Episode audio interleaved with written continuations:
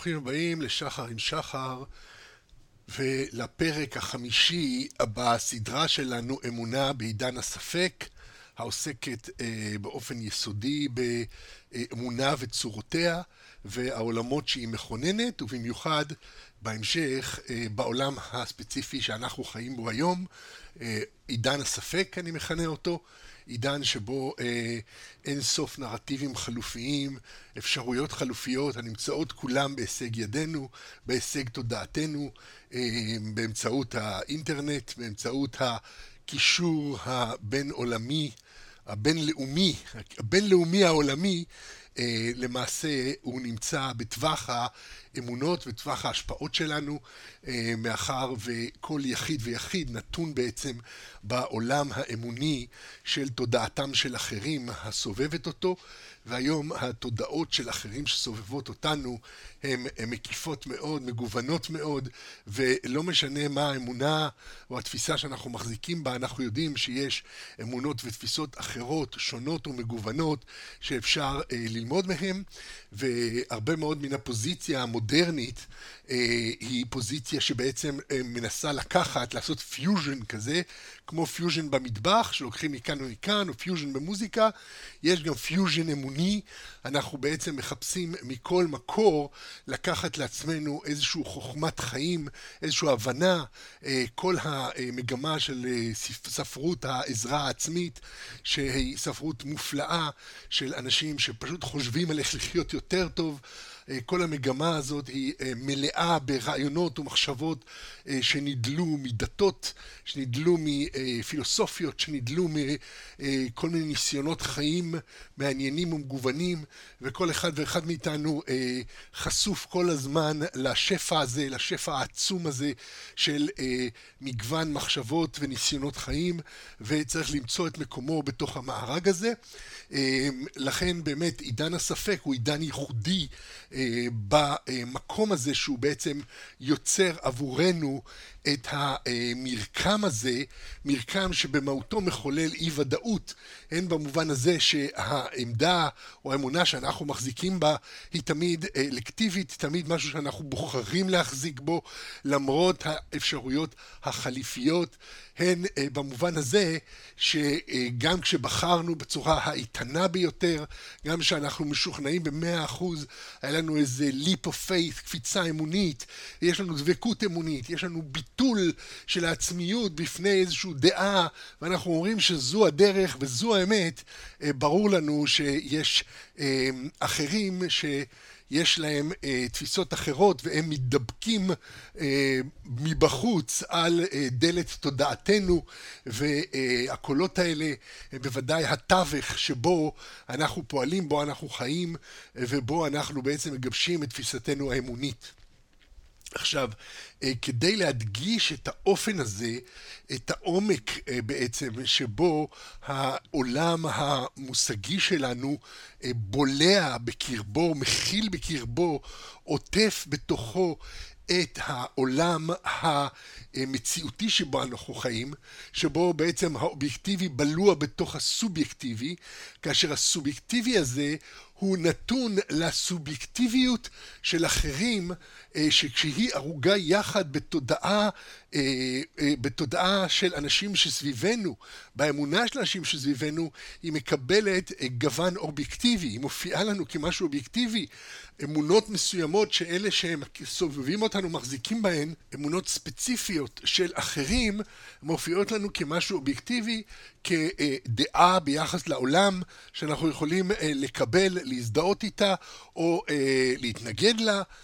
אה, להפנים אותה או אה, להקיא אותה מקרבנו אה, ויש מהלכים שונים שגם עליהם עוד נדבר בעתיד של הפנמה של דעה, היפרדות מדעה אמונה שאנחנו מחזיקים בה בשלב מסוים בחיינו ואחרי זה משנים את דעתנו, יש חזרות בתשובה, חזרות בשאלה, יש אה, הליכה אל, יש הפנמות, יש כל מיני תהליכים, והיום כדוגמה לעולם שלם שלמעשה אה, היה עסוק או היה משוכנע באמונה שהיום אה, אנחנו אה, מתייחסים אליה בצורה מאוד ברורה כאמונה חיצונית, כאמונה של אה, להדם, כן? ראשי תיבות לא היו דברים מעולם, אז אנחנו היום נעסוק באמונה בעולם של הדמונים, המכשפות וישויות חורשות רע,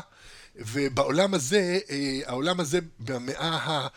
17 היה עולם ששורטט בקווים מאוד ברורים, יש ספרות ענפה שעסקו בה תיאולוגים, אקדמאים ואנשים ידועי שם אה, ברחבי אירופה במאה ה-17, ספרות שמתארת בפרוטרוט למשל את מנהגיהם של המכשפות, אנחנו עוד נראה אותה, נסתכל על הספרות הזאת קצת, ואנחנו נראה כיצד אה, כל מיני תיאורים ועלילות דמיוניות של אה, התנהגותן של מכשפות התקבלו כאמת שאין בלתה, כאמונה אה, ברורה ביחס למבנה המציאות, שרבים ורבים ואולי לא כל כך טובים אחזו בה, ואמונה זו חוללה בפועל מציאות אה, מאוד אה, הרסנית ואכזרית כלפי נשים רבות שעלו על המוקד כמכשפות.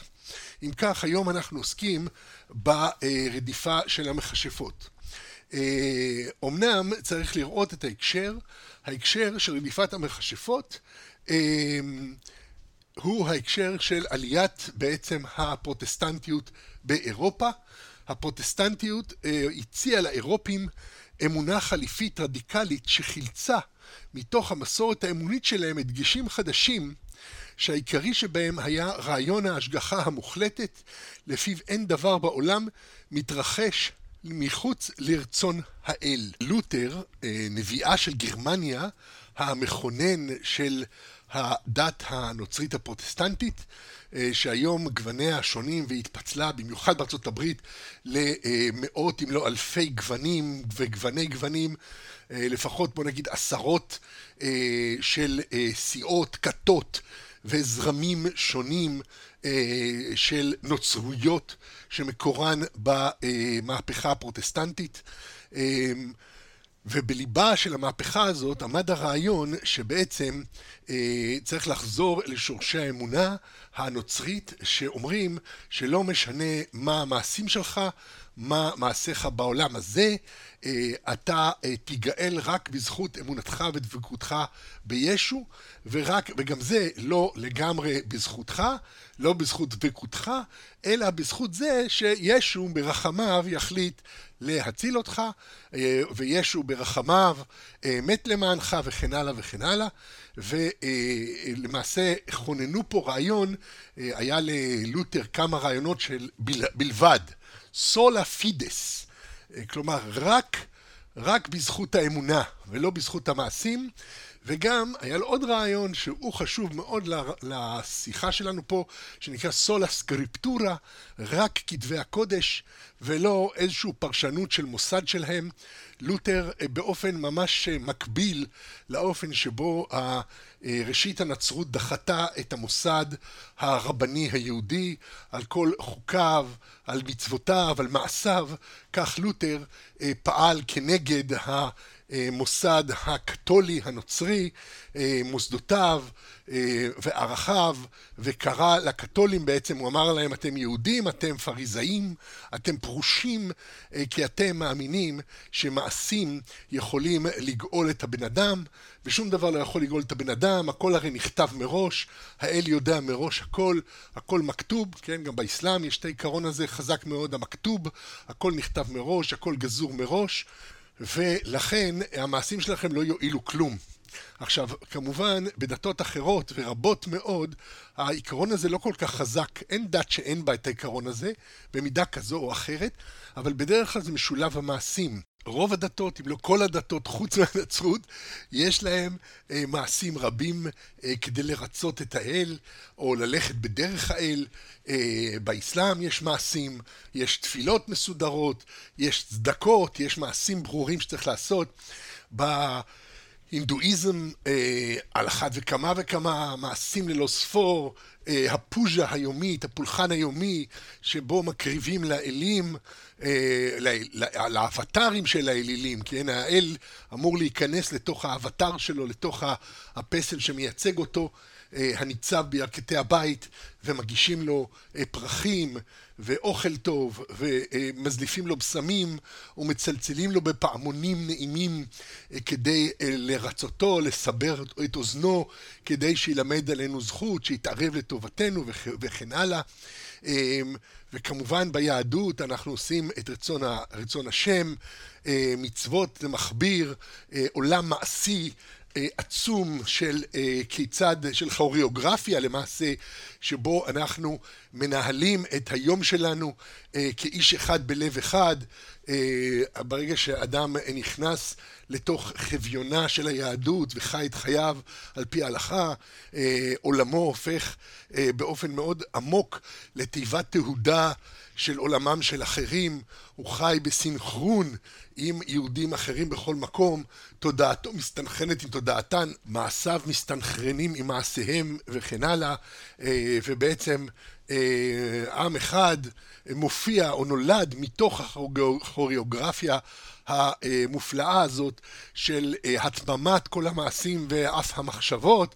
אה, במיוחד שאתה מתחיל להיכנס לבית המדרש פנימה ומגלה שאנשים לומדים את אותם מסכתות כבר מאות בשנים, אותם רעיונות עוברים בנפשם ורעיונות סבוכים שאתה לא יכול אה, בעצם להתנתק מהם, אלא כל האישיות מעורבת ברעיונות האלה, כל האישיות מעורבת במחשבות הפנימיות. אה, עד כדי כך שלמעשה נוצרת כוריאוגרפיה לאומית, כוריאוגרפיה, אה, כוריאוגרפיה של כל עולמם של אחרים. כל יחיד כסובייקט חי בתוך העולם הזה של אה, דמיון ומחשבה ואמונה. ובכן, אם כך, אז החידוש של הנצרות היה שהמעשים האלה, כל המעשים הללו לא מועילים כלום. אלא כל מה שחשוב זה בעצם מה שיש בתוך הראש, אה, האמונה, האם יש לנו אמונה או אין לנו אמונה. כי לא נוכל לעשות דבר בגלל שהאל גזר הכל מראש ויש דטרמיניזם מוחלט, אז אין במעשים שלנו דבר וחצי דבר שיכולים להועיל כדי לשנות את הגזרה הזאת. עכשיו, לכל הדתות יש את הרעיון הזה, זה לא שאיננו. נגיד ביהדות אתה מוצא את זה ביום כיפור בריש גלי.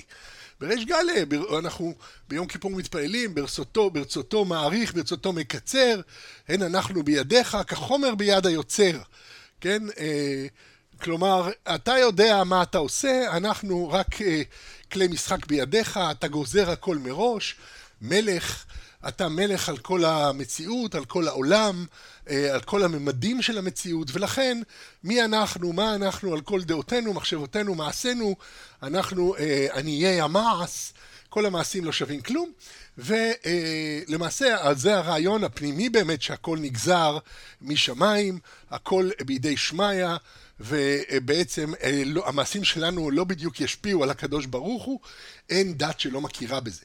עכשיו, אבל כל הדתות יש בהם את האיזון הזה, שמצד אחד כן יש עולם של מעשים, ובתוך העולם המעשים מולבשת איזו תודעה פנימית שעם כל המעשים שלנו בסוף אנחנו צריכים לחסדי שמיים, אה, צריך את החסד השמימי, אה, כי בסופו של דבר לא המעשים שלנו קובעים, אלא אה, גזירתו של הקדוש ברוך הוא. עכשיו, מה שלותר עשה, הוא בעצם קילף את המעשים והשאיר רק את החסד, אין שום דבר חוץ מהחסד הזה, אם תזכו לחסדו של ישו, נושעתם, לא תזכו, אכלתם אותה, אה, פניכם מועדים לגיהנום. בעולם הזה שום מעשים לא יועילו, כי העולם הזה, עכשיו אנחנו הולכים להתחמם, להתחמם לעבר אה, אה, עולם המכשפות, שאנחנו תכף נדבר עליו בהרחבה. העולם הזה נשלט בידי כוחות האופל, בידי השטן. יש פה תפיסה של שניות מניחאית, העולם מתפצל לאלוהי, אה, שבעצם הוא חוץ עולמי, וישו הוא השליח, של אותו עולמי שחדר לעולם והביא את בשורת האמונה ובשורת החסד, אבל העולם חוץ מזה הוא לגמרי אה, בידי השטן, בידי כוחות האופל, ואין לו תיקון ואין לו תקנה חוץ מהאמונה הצרופה. וכביטוי לעמדה החריפה הזאת, מרד לותר בכנסייה הקתולית, ומרד בה בדיוק במנגנון היותר בוטה של ההתערבות של ענייני העולם הזה בענייני העולם הבא, וזה היה המנגנון של אינדוליגנציות, שזה היה כתבי מחילה, שטרות מחילה, היית משלם סכומים נכבדים לכהן, לכומר, והוא היה מוציא לך שטר מחילה, שבו נאמר לך שנמחלו לך כל חטאיך אה, מעתה ועד, ועד עולם, ובעולם הבא אתה תגיע נטול חטא, לא משנה מה היו חטאיך, בגלל ששילמת ככה וככה לכנסייה וקיבלת את כתב המחילה הזה. עכשיו, ברמה התיאולוגית, כתב המחילה אה, הוא כמובן אה, מעשה, ומעשה שמחשיב את עצמו למשהו שישפיע על האלוהים בעולם הבא. לותר שפך על זה קיתונות של בוז, בכלל השפה של לותר מאוד אה, אה, עסיסית בנאצות, בקללות, בעצבים שלה, על אלה שבעיניו ממרים את פי האל, בעצם כופרים בעיקר, כופרים ברעיון המרכזי שהכל זה חסד ושום דבר לא תוכל לעשות בעולם הזה, והוא אה, למעשה יצא נגד הכנסייה הקתולית ובכך אה, הפך לכופר מבחינת הכנסייה הקתולית, ולמעשה יצר דת חדשה שעיקר הדגש שלה שחוזר אל היחיד, היחיד האבוד בתוך האישיות הסובייקטיבית שלו, והיחיד האבוד הזה, אה, הוא יכול רק להישען על חסדו של ישו, וללא חסדו של ישו אין לו, אין לו אה, מה לחפש. אה, הכל אה, למעשה גזור מראש, וכל המעשים שלו לא יועילו ולא כלום.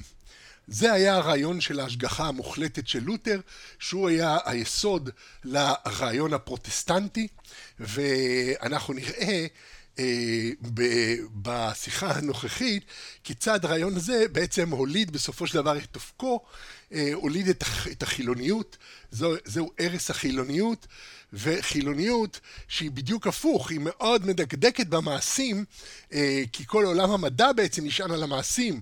אתה לא תשים את ה... כמות כזאת או כזאת של חומר בתוך החומרים של הניסוי שלך, אם הכל לא יהיה מדוד ושקול, מדויק ומדוקדק, אה, אתה בסופו של דבר אה, לא תשיג את התוצאות הראויות.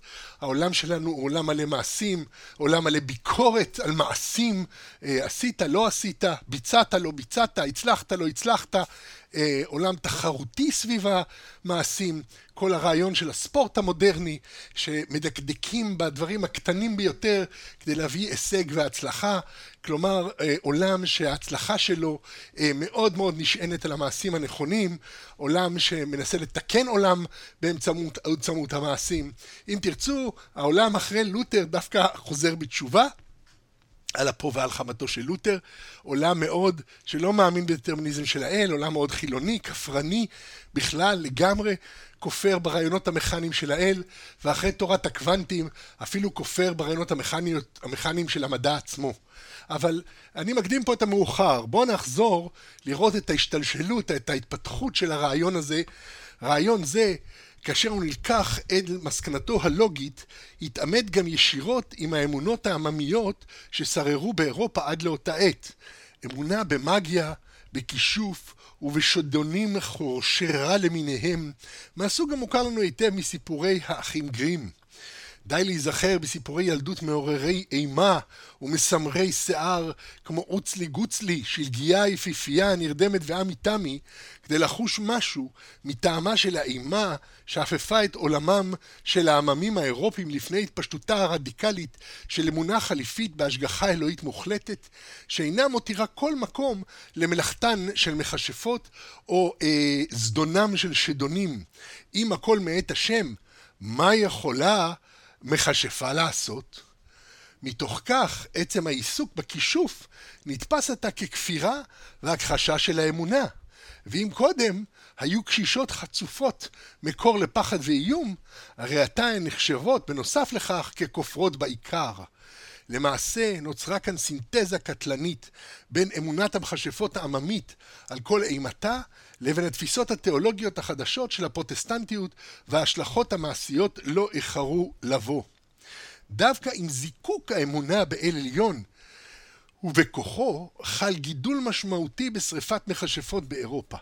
ניתן לזהות דמונולוגיה פרוטסטנטית בה גדלותו מטילת היראה של רצון האל משתררת על כל היבט אחר, לא ניתן להפריד בין הדמונולוגיה לבין הדיון בהשגחה ובשאלה המכרעת של מקור הרע ולמעשה היא הייתה מרכזית לדיונים שם. אומנם בגרמניה תמיד נהגו לשרוף מכשפות פה ושם, אבל מעתה החלו שורפים אותן לא כי הן מכשפות, אלא כי הן כופרות במלכות האלוהים. ואת זאת לא נוכל לסבול. האמונה העזה המפעמת בפרוטסטנט הלותרני, שהשיל מעל עצמו את חרצובותיה של המסורת הקתולית, לא תרשה לו להתייחס בסובלנות למכשפה כפרנית.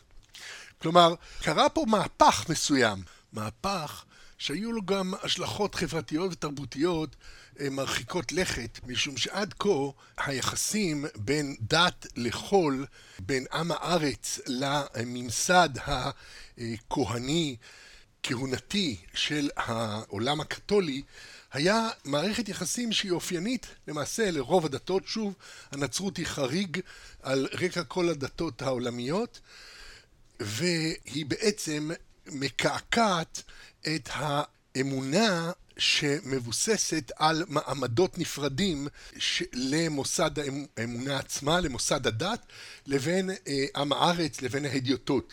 זה היה כמובן המבנה הקלאסי בישראל לפני היציאה לגלות, שהיה מלך, היה כהן והיה תלמיד חכם.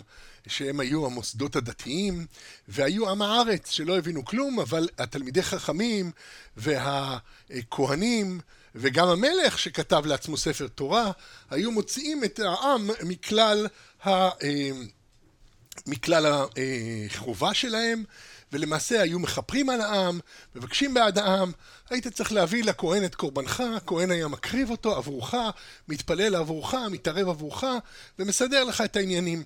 אנחנו מוצאים את הדפוס הזה בדתות רבות, אנחנו מצאנו אותו אה, במזרח כמובן, אה, בהינדואיזם, בבודהיזם, שהנזירים הם בעצם אה, שליחי הציבור, והציבור עצמו חי חיים חילוניים.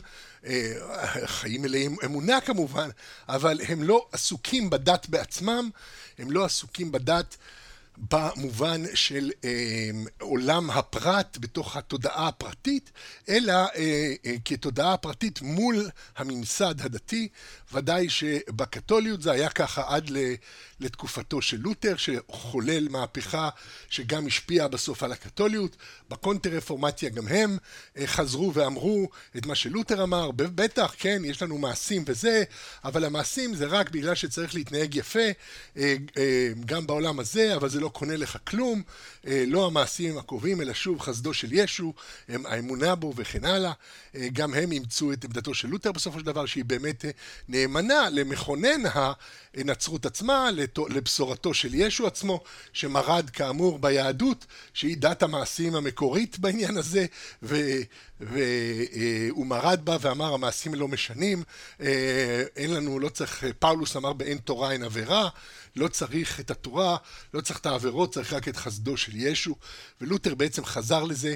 ויצר עכשיו אה, שינוי בזירה התודעתית האירופית, כי עכשיו בעצם שאלו במה אתה מאמין, לא מה אתה עושה, למי אתה שייך, לאיזה כנסייה, האם הגעת למיסה, האם אה, השתתפת בטקסים השונים, לא, שואלים מה אתה בתודעה שלך, האם אתה מאמין, האם אתה מאמין באמת ובתמים, האם אתה דבק אה, בישו והולך בדרכו, שאלו שאלות ביחס למאמין הבודד, והשאלות האלה הם בעצם העתיקו את הזירה למקום שבו אנחנו בעצם מוצאים עכשיו אה, גם בצד השני, בקתוליות, את האינקוויזיציה, שמנסה לפשפש אחרי מחשבותיהם של הבריות, מה באמת יש לך בראש, לא רק מה שאתה עושה, המעשים הפכו לקליפה חיצונית, אני רוצה לדעת מה אתה חושב, ואם את מכשפה ומכוונת שלא לשם שמיים, אז את ראויה להישרף ככופרת. המקרה של קפלר יכול לאייר היטב עבורנו את האופן בו ממלאות דעות חלופיות את מרחב קיומם של אחרים, ודבקות אמונית, רדיפת מכשפות והתפתחות מדעית יכולים ללכת יד ביד. בשנת 1615 הואשמה אמו של קפלר, הגברת קטרינה קפלר, בכישוף. כלומר, אנחנו מדברים פה על תחילת המאה ה-17. אה, ציד המכשפות האירופי היה אז בשיאו, והמשיך כך במהלך כל הקריירה של קפלר, ורדיפת מכשפות נתמכה בכל רמות של החברה, כולל נציגים חילוניים ואינטלקטואלים באוניברסיטאות. כולם האמינו בזה, כולם האמינו במכשפות, כולם ידעו מה זה מכשפות, כולם, לכולם היה ברור שהמכשפות זה האיום היותר חמור על הציבור, ואם לא יבוארו כל המכשפות, אה, הציבור נמצא בסכנה. אנחנו יכולים למצוא פה אה, בעצם שורשים מקוריים של אה, האידיאולוגיה הנאצית בסופו של דבר, הדמוניזציה של היהודים מזכירה במידה רבה מאוד את הדמוניזציה הקודמת בימיו של לותר, כאמור נביאה של גרמניה ביחס למכשפות, ולותר כמובן גם עסק רבות בדמוניזציה של יהודים. ספרו הידוע, שקריהם של היהודים, הוא חרפה עד היום, אם כי הגרמנים ושאר הלותרנים נוטים להתעלם מהספר הזה, או לפחות בפרסונה הציבורית שלהם להציג איזשהו פנים שלא בדיוק מצטטים את הספר הזה, אבל ברור זה היה חלק מהאידיאולוגיה הלותרנית.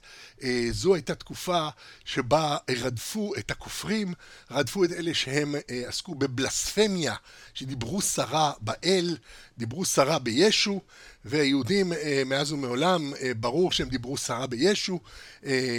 יש ספר שלם, תולדות ישו, שבאמת מלא במחשבות יהודיות כפרניות כלפי אותו איש, ולמעשה הרעיון הזה של כפירה ושל רדיפת הכופר, ורדיפת הכופר והתודעה שלו, והסכנה העצומה שהכופר הזה מייצג לחברה, הוא רעיון שמאפיין בדיוק את ערש הפרוטסטנטיות באותה תקופה באירופה, והתמקד ברעיון שאם לא כל החברה כולה תתגייס כדי לבאר את המכשפות מקרבה, אז כל החברה בסכנה, בסכנה מזעם האל שיחת על ראשה. כמובן שהמושגים האלה עברו טרנספורמציה אחר כך באידיאולוגיה הנאצית, אבל הרעיון שיש גורם בחברה שהוא נסתר, שהוא מסתתר, שהוא מעמיד פנים, הוא מתחזק כתמים, אבל בתוכו מסתתרת קונספירציה מרושעת שתחריב את כל החברה, שתחריב את כל הציוויליזציה, זה בדיוק אותו רעיון, וממש רואים את ההעתקה הזאת אחד לאחד. על כל פנים, אנחנו לא עוסקים עכשיו בדמונולוגיה הנאצית, אלא בדמונולוגיה הקודמת של אבותיהם של הנאצים, הדמונולוגיה של לותר והפרוטסטנטים בתקופתו, וגם פרוטסטנטים מכל מיני סוגים, לא רק לותרנים, גם קלוויניסטים אחר כך, ועוד גוונים של פרוטסטנטים הקווייקרים, גם בסקוטלנד צרבו הרבה מכשפות אחר כך, למרות ששם הזן הפרוטסטנטי נבע מן הקלוויניזם, ולא מהלותרניזם באופן ישר. בכל מקרה, לותר הוא האבא של כולם, וכולם הלכו בדרכו.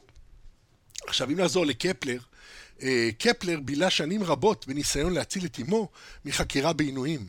בשנת 1620 נחטפה אמו של קפלר מבית ביתה באישון לילה ונכלאה.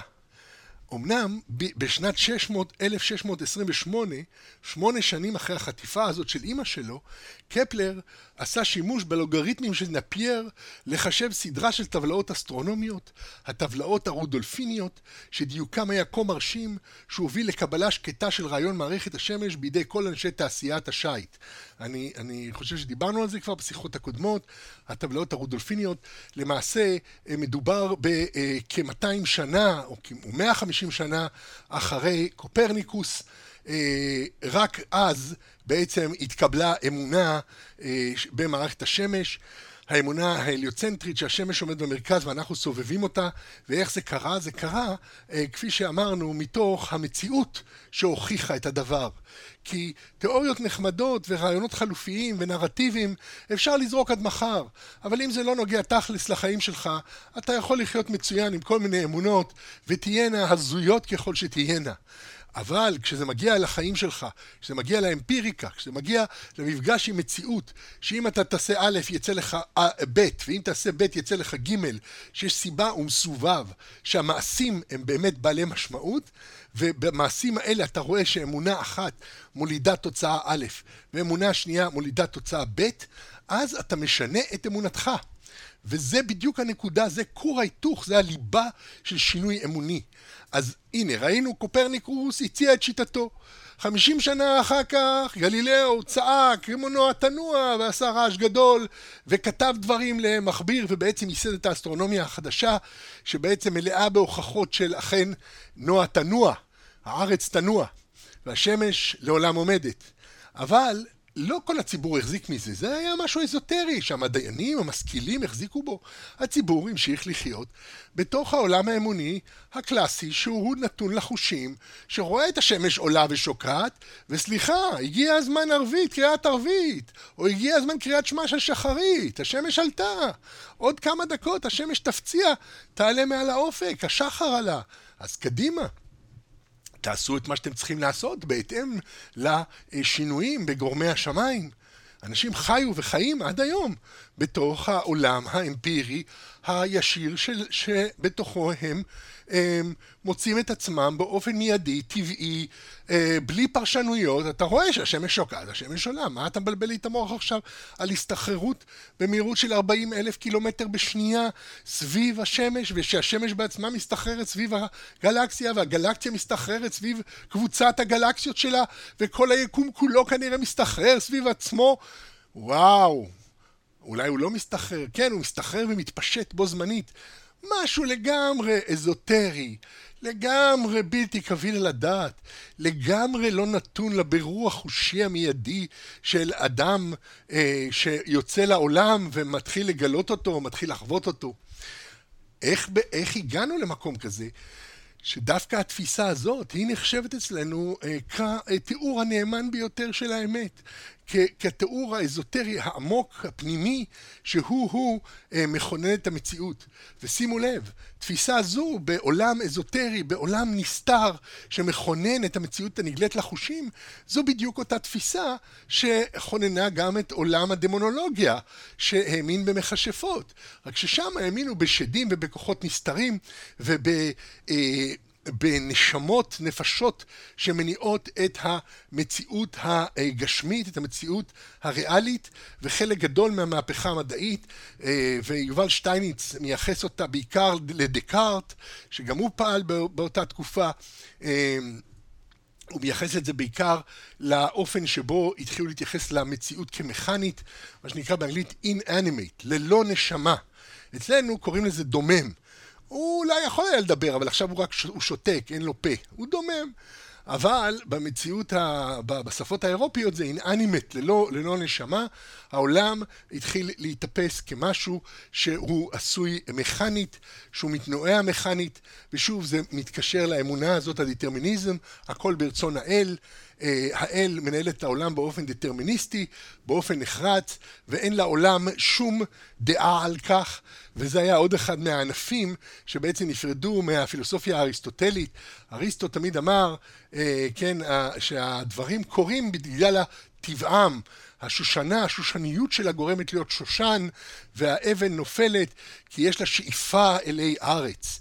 אבל עכשיו במכניקה החדשה יש חוקים אחרים, האבן היא פסיבית, וחוק אחר, חוק הכבידה, שאפשר לחשב אותו על פי הנוסחאות של ניוטון, הוא זה שגורם לה ליפול, והשושנה, יש אה, דברים נסתרים מן העין, אה, חלקיקי מולקולריים שיוצרים ריח, אה, גלי, אה, גלי תדר שיוצרים צבע, והם בעצם יוצרים את השושניות, ולא איזה משהו מהותי בשושנה.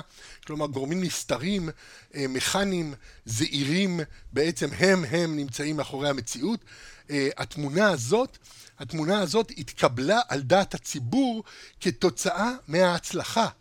ברגע שהטבלאות הרודולפיניות של קפלר התקבלו בתעשיית השיט, שיכולת להפליג בלב ים, ובדיוק זה גם אותה תקופה של הגילויים הגדולים, אני לא צריך להגיד לכם, השיט העצום לעולם החדש, החילוף הקולומביאני המפורסם, שהתחילו להביא מהעולם החדש דברים לעולם הישן, פתאום היו עגבניות באירופה והאיטלקים יכלו להכין פיצה, הובא הקקאו והשוויצרים והבלגים יכלו להכין שוקולד, הובא הצ'ילי החריף וההודים יכלו לאכול עכשיו הרבה יותר חריף ממה שהם אכלו אי פעם. החילופים האלה, הדברים שהגיעו מדרום אמריקה ומאמריקה בכלל אל האמריקות, בוא נגיד לזה, נקרא לזה, כמובן אמריקה על שם אמריגו וספוצ'י ואינדיאנים על שם הודו. מעניין שלא על שם קולומבוס, אלא דווקא על שם חוקר אחר, מגלה אחר, נקראות האמריקות. בכל מקרה, ההיסטוריה מלאה וקדושה באנקדוטות כאלה. בכל מקרה, עכשיו... הגיעו חידושים גדולים, העולם השתנה, וחלק גדול משינוי העולם הזה היו הטבלאות הרודולפיניות של קפלר, שהוא אה, כתב ויצר אה, תוך כדי שהוא מנסה להגן על אימא שלו מהאשמות בכישוף. היא כנראה הייתה קשישה בעלת דעה, פתחה את הפה על מי שעצבן אותה, והצליחה להרגיז הרבה אנשים, אה, וגם, אה, כידוע, יש כל מיני אינטרסים כלכליים, מעמד האישה היה בכי רע באותה תקופה, ולכן ניתן היה להאשים אנשים בכישוף, נשים בכישוף, ולנשל אותם מרכושן, לנשל אותם ממעמדן הכלכלי, אה, ולפגוע בהן בצורות אחרות. זה מזכיר לנו שוב אה, התפתחויות מאוחרות יותר, חוקי ג'ים קרו בהמשך, באמריקה, חוקי נירנברג בגרמניה, וכו' וכו', חוקים שונים המפלים בין אנשים על סמך עמדות ודעות ביחס למהותם של אותם אנשים, כל התפיסות המהותניות הללו. בכל מקרה, אם נחזור לענייננו, הטבלאות הרודולפיניות, ההוכחה המעשית של נכונות התפיסה שרואה את מערכת השמש מאחורי הקלעים של גרמי השמיים, התקבלה ברגע שניתן היה באופן מעשי להשתמש בתפיסה הזאת כדי לכונן חישובים אסטרונומיים מדויקים ולמעשה לנווט ספינות בלב ים גם במקומות הרחוקים ביותר מן היבשה בהתאם לנוסחאות הנפלאות שקפלר הצליח להשיג בדקדקנות רבה לחשב מתוך, ה, למעשה הוא גנב, זה גם סיפור בפני עצמו, הוא גנב את הממצאים האסטרונומיים המדויקים של טיכו בראי אחרי מותו של בראי בנסיבות קשות אבל לא ניכנס לכל זה, זה מרוב אנקדוטות אנחנו לא נראה פה את היער ונסכם שבאמת אנחנו רואים כיצד האמונות מתגלגלות שבתוך עולם אמוני אחד, מתוך עולם אמוני אחד אנחנו רואים שזה עולם אמוני שהוא מלא בדבקות, בקנאות קנאות לשליטה של האל בכל, לדטרמיניזם מוחלט ששום דבר לא קורה בלי רצון האל, עם אמונה בעולם דמוני של מכשפות, באותו זמן ממש מתוך עולם זה עצמו עולה עולם של מדע שהוא כולו פונה אל המציאות, שבסופו של דבר ההוכחות שלו מצויות בהתנהגות האמפירית והוא בעצם חוזר חזרה אל מעשים מדויקים, תנווט על פי הטבלה הרודולפינית ותגיע אל יעדך. תנווט לפי הטבלאות והשיטה הישנה, יש סיכוי טוב שתאבד באוקיינוס אין סוף. וזה מביא לשינוי אמוני כמובן. אז כן, אז אמרנו, אז הטבלאות הרודולפיניות שדיוקם היה כה מרשים שהוא הוביל לקבלה שקטה של רעיון מערכת השמש בידי כל אנשי תעשיית השיט. פתאום יש קונסנזוס, אין עוררין, כל הספנים מאמינים שנוע תנוע, אוחזים באמונתו הכפרנית של גלילאו. זה הפך לשיטה המקובלת. עכשיו, מה הרקע של זה? קפלר עצמו ביקר באוניברסיטת טיבינגן, שהייתה מוסד פרוטסטנטי. שם הוא למד בעיקר תיאולוגיה ופילוסופיה. תיאולוגיה שבא, שעסקה רבות בדמונולוגיה שאנחנו מדברים עליה. אבל הוא למד שם גם מתמטיקה ואסטרונומיה.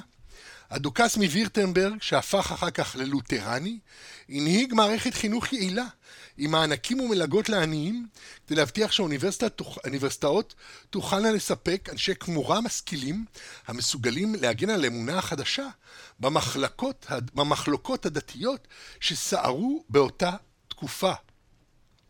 אימת הכישוף, דבקות האמונה הפרוטסטנטית וניצחונה המכריע של התפיסה ההליוצנטרית חיו היטב בכפיפה אחת. באותה תקופה בגרמניה החלו לצאת גם הקונטרסים הראשונים בשבח עינוייהן של מכשפות. בשנת 1635 פורסם מדריך למשפטנים שזכה בהמשך לכינוי הפטיש הלותרני, ובו תמיכה בשימוש בעינויים בטענה שבמקרים של כישוף כה קשה להשיג הוכחות שאין צורך שהשופט יניח לעצמו להיות מוגבל על ידי חוקים.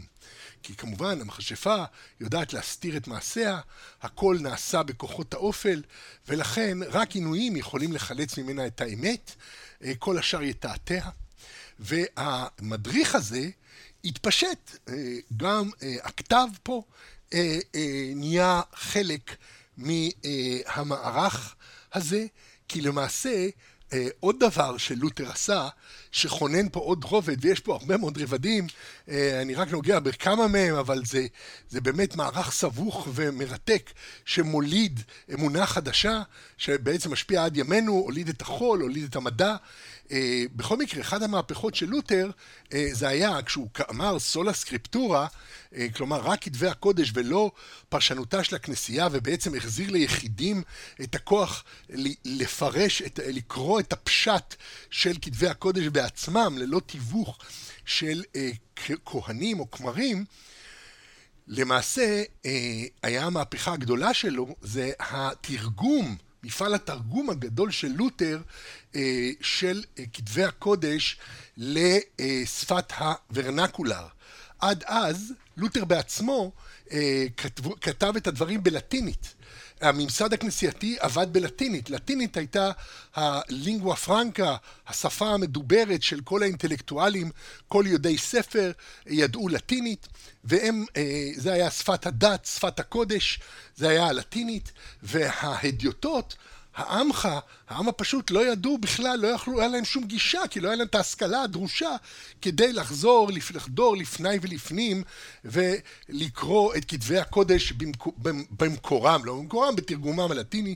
לותר היה אקדמאי דקדקן, הוא שלט בכל השפות המקוריות של כתבי הקודש, הוא למד עברית, למד ארמית, למד אה, יוונית, ידע את השפות האלה ולמעשה יצר את התרגום הראשון של התנ"ך, הוא גם חזר לכתב המסורה, לסדר הספרים של התנ"ך העברי, זרק את החלוקה של הספטואגינטה ואת החלוקה של הוולגטה, שזה החלוקה היוונית והלטינית של התנ"ך, אה, למעשה חזר למקורות העבריים הקדמונים ותרגם לראשונה את התנ"ך למה שנקרא ורנקיולר, לשפת המקום, לשפה, לשפה שכל האנשים פשוטי העם דיברו, במקרה זה גרמנית.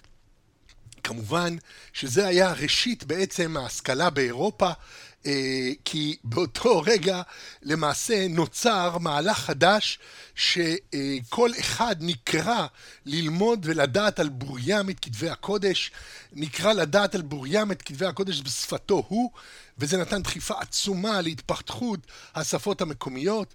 אה, כידוע, אה, השפות מתפתחות בדרך של ניבי ניבים. אה, יכול להיות שבגרמניה אחת יש מאות ניבים, ובסופו של דבר, ברגע שזה עולה על הכתב, מתגבש ניב אחד שהוא הופך לגרמנית הרשמית, הוא הופך לגרמנית המרכזית, ואנשים התחילו ללמוד קרוא וכתוב. בדיוק הזכרנו את הדוכס מווירטנברג, שהקים מערכת חינוך, ומערכת החינוך הזאת לימדו אנשים לקרוא ולכתוב את שפתם, אה, למעשה בזה התרחבה גם השפה הגרמנית והתבססה כשפת כתב, אה, והתחילה גם לפעם תחושה לאומית בעממי אירופה, ככל שעמים נוספים הצטרפו למהפכה הזאת. אה, התרגום הבא לוורנקולר זה היה באנגליה, הופיע תנ"ך באנגלית, אחר כך בצרפתית, אחר כך בכל השפות האירופיות, והיום כידוע התנ"ך כבר מתורגם לכל שפה ושפה עלי אדמות, אה, ולמעשה הפעולות המיסיונריות שהתבצעו בהמשך בעולם הנוצרי, אה, חלק מרכזי בהן היה התרגום של אה, התנ"ך לשפת הוורנקולר בכל מקום, כדי לאפשר גישה מיידית לכל אדם אל הבשורה.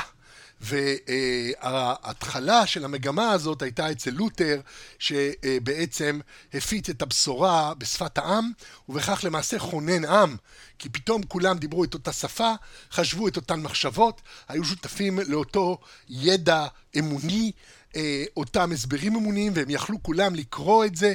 אה, לא צריך לזלזל בהמצאת הדפוס, שגם היא, נדמה לי, הקדימה את לותר באולי 20 שנה. המצאת הדפוס אה, באה בתקופה ממוזלת, כן, צירוף מקרים מדהים, ואפשרה בעצם להפיץ את כל הבשורה החדשה הזאת, את השפה החדשה, את המחשבות החדשות לכל אדם ואדם. וכמובן שגם אמונת המכשפות, ברגע שנכתבו ספרים כמו הספר הזה, הפטיש הלותרני, וספרים אחרים שתיארו את הדברים, ואנשים ידעו קרוא וכתוב, וידעו לקרוא את התיאורים, אז הדבר הביא לכך שאמונת הכישוף התפשטה בכל אירופה כאש בשדות. ציידי המכשפות ידעו מראש על דבר המכשפות והתנהגותם, כי הם קראו על כך, הם הבינו, סיפרו להם גם עמיתיהם. אמרנו, האמונה שלנו תלויה בקהילת האמונה שלנו. במי אמר לנו מה? ואנשים ברי סמכה ביותר כתבו את הספרים האלה. אם כך, גם הקוראים אה, אה, קיבלו על עצמם אה, בוודאות שכך באמת הם פני הדברים. הם האמינו בוודאות בקיומם של כישוף ומכשפות בעולם, ומעצם טבעו של הכישוף המתחזק כתמימות, הרי אין כל דרך להבדיל, ולכן אין כאן אלא אמונה. והם הבנו את כל המערכת המשפטית שלהם בהתאם, באופן כזה שהם יוכלו לענות ולהוציא להורג תחת כיסוי של היגיון את מה שהאמינו בו מלכתחילה. הרפורמה הפרוטסטנטית סיפקה את התשתית הממשית לצד המכשפות. תקופת הרפורמה מאופיינת כתקופה של חיזוק האמונה באל, המעבר מנצרות המתחרה עם אמונות עממיות לנצרות בעלת כוח ריכוזי התובע נאמנות אידיאולוגית. דת התובעת את ליבו של המאמין, דת שעסקה בעצם האמונה, שרצתה להבנות את עצם תפיסת העולם של המאמין ולקבוע מה אמת ומה לא, מה ראוי לאמונה ומה לא, מהי אמונה ומהי כפירה. האפשרויות האמוניות הפתוחות בפני היחיד במרחב קיומם של אחרים בתקופה זו חפפו את אותו נושא באופן שהפך את האמונה החדשה לפרשנות של הישנה. אני מצטט עכשיו מלבק, אה, שכתב מאמר אה, על השקיעה והקץ של הרדיפות אה, הכישוף באירופה, וזה בתוך אנקרלו וקלארק, Witchcraft and Magic in Europe, the 18th and 19th century, אז אני מקריא מתוכו עכשיו ציטוט. מרטין לותר חזר וטען באופן דרמטי למציאותו של השטן בחיפוש אחר נפשות בני האדם. תוך שהוא מצטט את מפגשיו האישיים עם הרשע מכל. הוא הזהיר שעולם הבשר, כמו גם חלק ניכר מעולם הרוח, נמצאים תחת שליטתו של השטן. הכישוף עליו דיבר פאולוס באגרתו לגלטים, נראה ללותר כקיים סביבות כל הגברים והנשים בעולם של זמנו. אכן, בכך שטען לא רק שכישוף הוא כפירה, אלא שכל כפירה או פרשנות כוזבת של הביבליה הם גם צורה של כישוף, הרחיב לותר את הקיפה של רדיפת המכשפות, כבר ציינו את זה, כן, שגם האנטישמיות נפלה לתוך הקטגוריה הזאת של בלספמיה. קלווין, זה שבא אחר כך והרחיב את אה, אה, אה, שיטתו של לותר לעקרונות נוספים, שינה כמה דברים, יצר למעשה את הקלוויניזם, שהוא עתיד היה להתפשט בעיקר במדינות האנגלוסקסיות, כל הכתות הנוצריות השונות שצמחו מן הקלוויניזם, הקווייקרים, השייקרים, ויש עוד רבות, בארצות הברית במיוחד. מאות שנים אחר כך, כן, במהלך המאה ה-19 אה, נוצר ריבוי עצום של סיעות ותפיסות דתיות אה, פרוטסטנטיות שמקורם בקלוויניזם. אז קלווין זה ציטט אף הוא פסוקים המזהירים בני השטן וצבא שדיו, ותקף כל ניסיון לפרשנות מטאפורית של יחס האדם לכוחות החושך. אה, כלומר, שטן ממש, מכשפה ממש, שדים ממש. קלווין התעקש שהביבליה מתארת באופן מפורש אנשים ונשים אחוזי דיבוק או הנמצאים בשירותו של השטן. ושוב, זה עיקרון הסולה סקריפטורה, אין לנו אלא את כתבי הקודש האלה עצמם, בתרגומם כמובן לגרמנית, ובמקרה של קלווין מן הסתם לצרפתית, או לשפה אחרת, אולי גם גרמנית, אני לא, לא יודע בדיוק באיזה שפה הוא דיבר. אה, היום הרי בשוויץ מדברים את כל שלוש השפות הסובבות, גרמנית, צרפתית ואיטלקית, אז אני מניח שקלווין אה, כתב או בצרפתית או ב... או בגרמנית, וזה ראוי גיגול. אני פשוט לא רוצה לעצור עכשיו את ההקלטה כדי לגגל זאת, אבל אתם מוזמנים לעשות זאת, אולי אפילו לכתוב לי כדי שאני אדע להבא. אמ, הוא התעקש שהביבליה מתארת באופן מפורש אנשים ונשים אחוזי דיבוק הנמצאים בשירותו של השטן, ברור, סולה סקריפטורה, אה, בלי פרשנויות, מה שכתוב זה מה שיש. הוגים קתולים בני התקופה לא נשארו חייבים לרפורמטורים ומחויבותם לפתור את העולם מחילות השטן.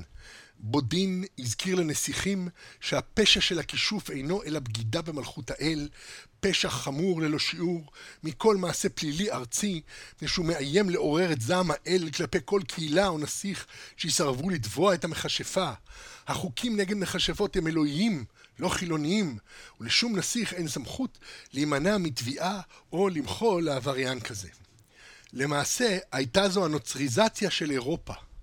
התחזקות בעקרונות היותר פנימיים של הנצרות וכינוס או חינוך האוכלוסייה לתורת, לתורת ישו ושליחיו שהביאה להתפרצות החריפה של רדיפת המכשפות.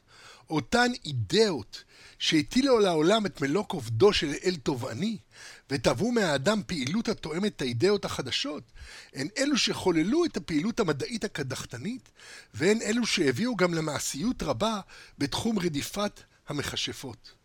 ברמה התיאולוגית, אינטלקטואלית ושיטתית, הבהרת המעמד האונתולוגי והפעילות המכוונת של השטן היו חיוניים לתפיסה החדשה של המכשפה, שטבעה וגורלה התקשרו במידה הולכת וגוברת לאלו של כוחו של השטן. אה, ברור שיש פה איזו פרדוקסליות, כי מעשים לא יכולים לעזור, ורק אמונה, אבל בו זמנית תובעים לבאר מהעולם את חסרי האמונה. וה, והתביעה הזאת היא מעשית. כלומר, לעולם לא נפרדים מהמעשים. יש פה איזשהו אה, דו-פרצופין. כלומר, יש תביעה יסודית, אמונית, בשורש העמדה הפרוטסטנטית הזאת, בשורש התביעה הזאת אה, לדטרמיניזם מוחלט והחידלון מן המעשים, שהיא לכתחילה אה, פרדוקסלית, לכתחילה אה, סותרת את עצמה, ולמעשה היא אה, פשוט מעתיקה את הזירה אה, אה, לחיפוש אחר דעתם של יחידים, לצורך בעצם אה, לכונן בכל דעה ודעה אמונה נכונה, דעה נכונה, ולמעשה לבאר את האמונות הכוזבות. אה, זה משהו שהפך לאופייני אה, לכל הדתות, במיוחד היום, שבו בעצם המאבק מתרחש לא על שטחים, כן, איזה מדינה תיכבש לנצרות ואיזה תיכבש לאסלאם, אלא על הנשמות, על הנפשות, ובאמת עוסקים רבות בלימודי אמונה, מה ראוי להאמין, איך ראוי לחשוב, מי יש לו מחשבות נכונות וראויות, ומי יש לו מחשבות שהן בלבולים, שמסטות אותו מעיקר העניין, וכן הלאה. אה, אה, הזירה היא באמת נפשותיהם של יחידים, ואז ניתן להצביע על יחידים שסוטים מהתביעה של האמונה, ולבאר אותם באופן מעשי לחלוטין, ואין שום בעיה עם זה. אה, כלומר, כלומר, אה, אין שום בעיה להגיד שהמשטר החילוני אה, יחפש אחרי מכשפות וישרוף אותם, אבל אסור ליחיד להאמין שפעולה כלשהי שלו היא זו שתטה את דעת האל. כן, פרדוקסליות, אבל היא הייתה קיימת וקיימת.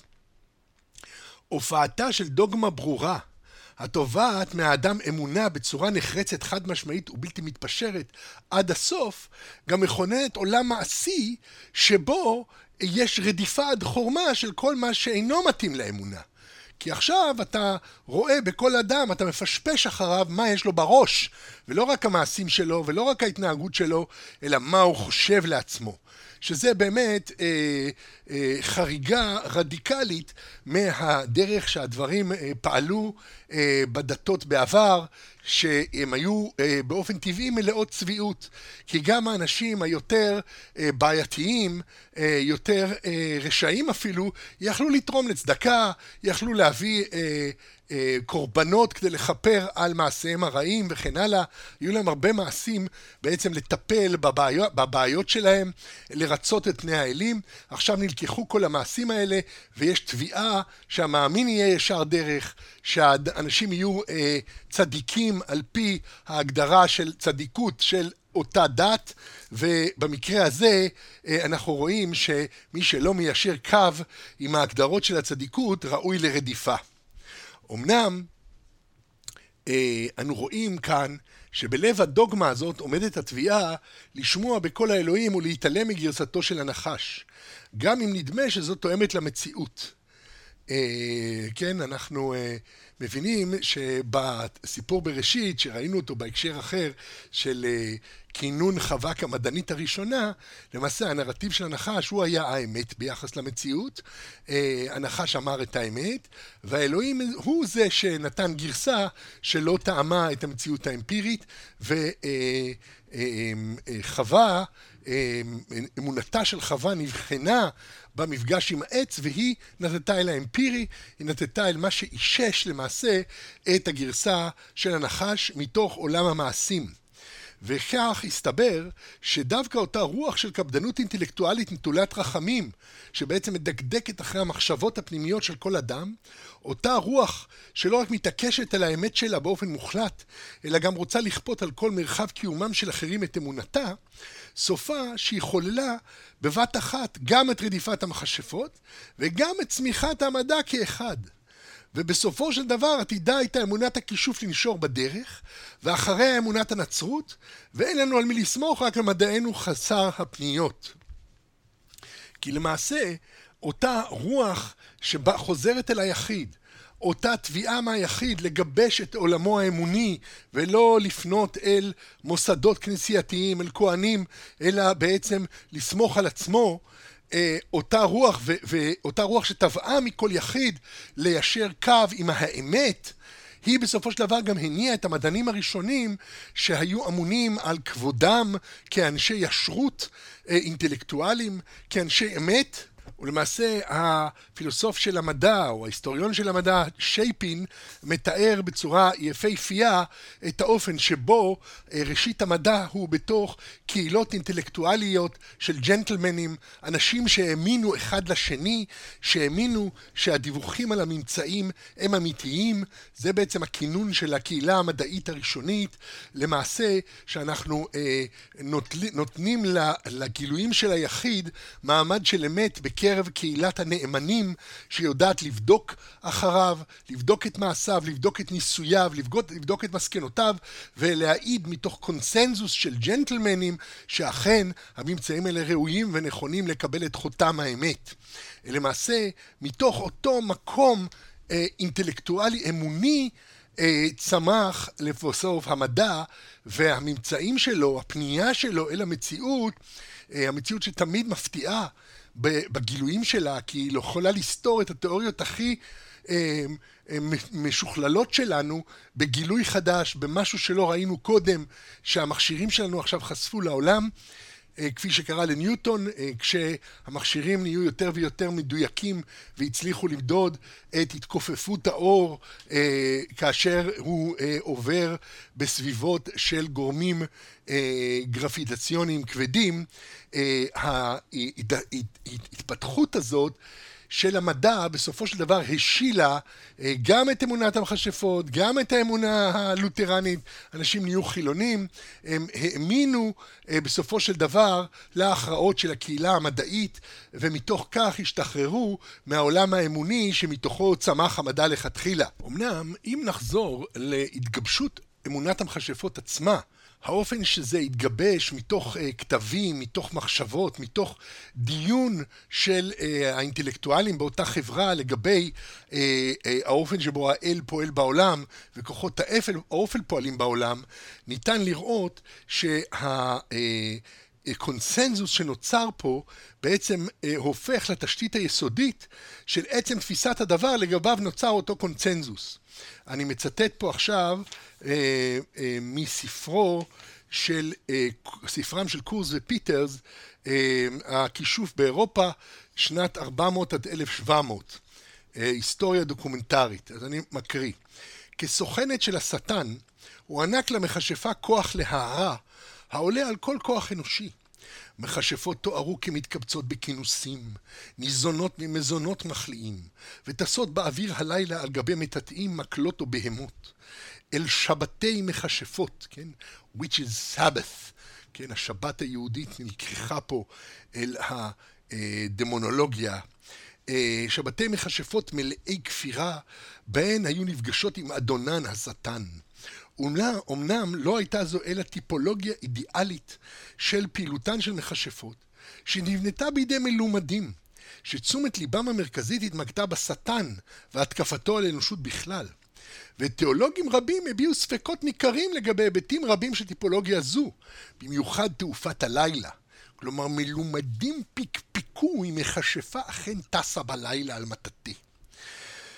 אמנם הפעילויות השונות של המכשפות ברחבי אירופה הפכו באופן זה להומוגניות בעיני התיאולוגים, המטיפים והאינקוויזיטורים של הכפרנות, ובלא קשר להאשמות הספציפיות נגד מכשפות בתקופות מאוחרות יותר, טיפולוגיה כנסייתית זו הופיעה במהירות כמעט בכל מקרה. כי החוקר ידע מה הוא רוצה, ומאחר והותר לו לענות את האישה האומללה, אז הוא היה שואל אותה, תודי, תודי שטסת על מטאטא, והיא צעקה לא, לא, בסוף היו מענים אותה, הייתה צועקת, כן, כן, טסתי על מטאטא, רק תפסיקו. רחמנות, פשוט מזעזע. אם כך, אנחנו רואים שטיפולוגיה זו, שהפכה לפולקלור בלבד עם פריחת ההשכלה, לא נעלמה מאירופה, אלא נותרה מתחת לפני השטח בחדרי הילדים, בחלומות הכמוסים, בתסביכים הבלתי פתורים של מטופלי אנליזות. המכשפות, הזאבים והגמדים חורשי הרע מילאו וממלאים את הדמיון האירופי, אה, עד כי מחברת שנונה כרולינג יכולה לדלות מתוך מאגר קולקטיבי רב רגש זה ולבסס את ספריה על התת מודע האירופי הקרוב כל כך תמיד למודעות. מרחב קיומם של אחרים תמיד ממלא את האופק, והוא מכיל בתוכו רעיונות מרעיונות שונים, הכרוכים זה בזה תמיד באיזון כזה או אחר. ובעידן הספק, נקודת האיזון היא תמיד בתוך האישיות פנימה. כלומר, יש לנו עולם שלם של מחשבות, של אמונות, של דעות. אנחנו רואים שהוא כולל בתוכו את המדע, את האמונה הנוצרית, את אמונת הכישוף, והעולם הזה הוא כולו בעצם מקיף את היחידים של אותה תקופה, והיחיד מתוך זה צריך להרוג לעצמו את אמונתו, ובעידן המודרני, שבו כל האמונות ההיסטוריות, בעיקר המפעלים האקדמיים הגדולים, שהיום האנושות עסוקה בהם, שבעצם מזרימה המון ידע חדש על העבר, על אמונות העבר, על דעות. דעותיהם ואמונותיהם של אנשים שונים, האנתרופולוגיה שמביאה לנו גם את השבטים הנידחים ביותר, למשל קראתי מחקר מדהים על uh, התיאולוגיה של קניבלים. uh, מאת uh, אדם בשם ריביירה, כמה שזכור לי, uh, דברים מרתקים, מה קניבלים מאמינים, מה הם חושבים, וזה משנה את כל התמונה, אנחנו רגילים לקניבלים בבדיחות, uh, ופתאום מתגלה לנו עולם שלם של תיאולוגיה שלמה ומרתקת מאוד של uh, מה הקניבלים בעצם מאמינים. כל זה הופך לחלק מהעולם שלנו, יש לנו גישות בעצם לכל העולמות האמוניים שקדמו לנו, שקדמו להופעתנו כיחידים אה, על במת ההיסטוריה, ואנחנו נקראים לעשות את בחירתנו. כמובן שבחירתנו באופן טבעי מוטית לעבר החברה שבה גדלנו, אבל גם בתוך החברה שבה גדלנו אנשים חשופים לכל, ואפשר אה, לקרוא ולהבין ולהתעמק בכל אמונה, בכל דבר שנחפוץ, זה חלק מהמרחב הרוחני, המרחב קיומם של אחרים שאנחנו חשופים לו. קלארק, הסמכות הבכירה בתחום ציד המכשפות האירופי, אה, שספרו המונומנטלי לחשוב עם שדים אה, מתיימר לחבוק את כל הטקסטים שראו אור סביב שאלת הכישוף החל מהמאה ה-15, כאשר החל הדיון המלומד בכישוף לאמיתו, ועד לתחילת המאה ה-18, כאשר איבד לבסוף את תנופתו.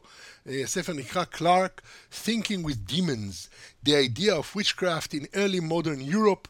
הוא באמת נכנס לעומקה, לעובי הקורה, ומסביר ומתעד אה, את ההתפתחות ואת התכנים של אמונת המכשפות, והוא כותב כך: אה, תיאוריית הכישוף לא נכתבה בצורה מבודדת, ואין לקרוא אותה כך. תוך זמן קצר התברר שאמונות כישוף ברמה זו נשענות על מגוון רחב של מחויבויות אינטלקטואליות אחרות. הסיבה לכך הייתה שהדיונים התיאורטיים נסבו סביב נושאים ספציפיים. האם אפשר שהכישוף יתרחש כתופעה אמיתית בעולם הטבעי? מדוע הכישוף פוגע באירופה בזמן מסוים? אילו סוגים של חטאים כרוכים בכישוף, וכיצד יכולים אנשי כמורה להילחם בהם? ומדוע צריכים מושלים ושופטים לפתור את העולם מהאיום? למעשה, הדמונולוגיה הייתה נושא מורכב הכולל דיונים על מהלכו של הטבע, תהליכים היסטוריים, השמירה על תואר דתי וטבעם של סמכות וסדר פוליטיים.